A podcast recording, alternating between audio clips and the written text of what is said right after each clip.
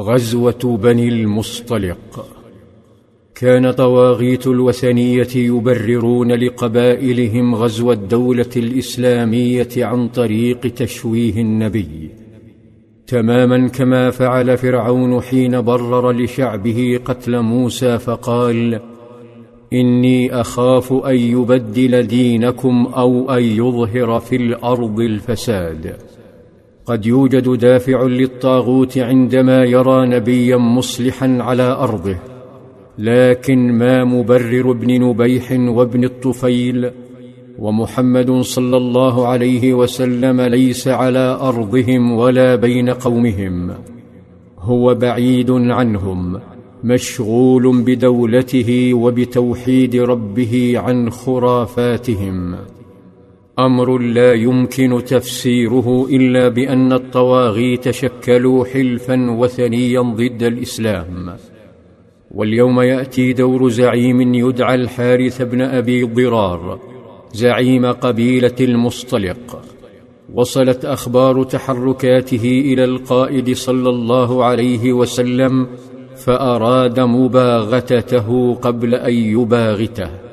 وقبل أن يتحرك صلى الله عليه وسلم أجرى قرعة بين زوجاته فهن يتلهفن لرفقته في جهاده.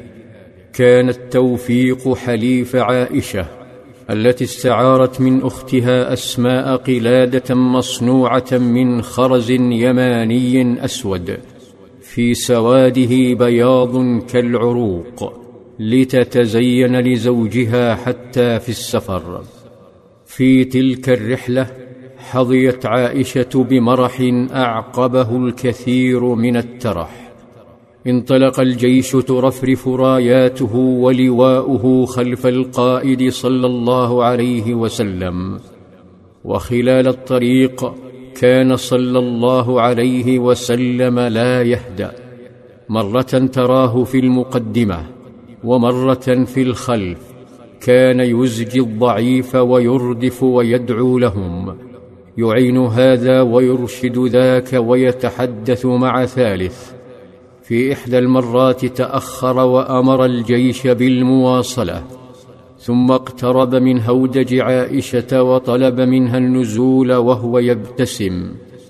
نزلت عائشة النحيلة فأمرها صلى الله عليه وسلم بأن تقف إلى جانبه ثم اتفقا على نقطة معينة من الطريق وطلب منها أن تسابقه نحوها. رحبت عائشة بالتحدي فبدأ السباق وانطلقت الأرجل تسابق الريح. وعند نقطة النهاية كانت عائشة تضحك سعيدة بنصرها. تقبل صلى الله عليه وسلم فوز حبيبته لكنه أضمر لها سباقا آخر يأخذ بثأره والأيام بينهما. عادت عائشة إلى هودجها. وعاد صلى الله عليه وسلم إلى جيشه الذي أصبح على مشارف بني المصطلق. كانوا في حالة استرخاء. لم يتوقعوا أن محمدا صلى الله عليه وسلم بهذا الدهاء العسكري. فوجئوا بالجيش يداهمهم يصعقهم.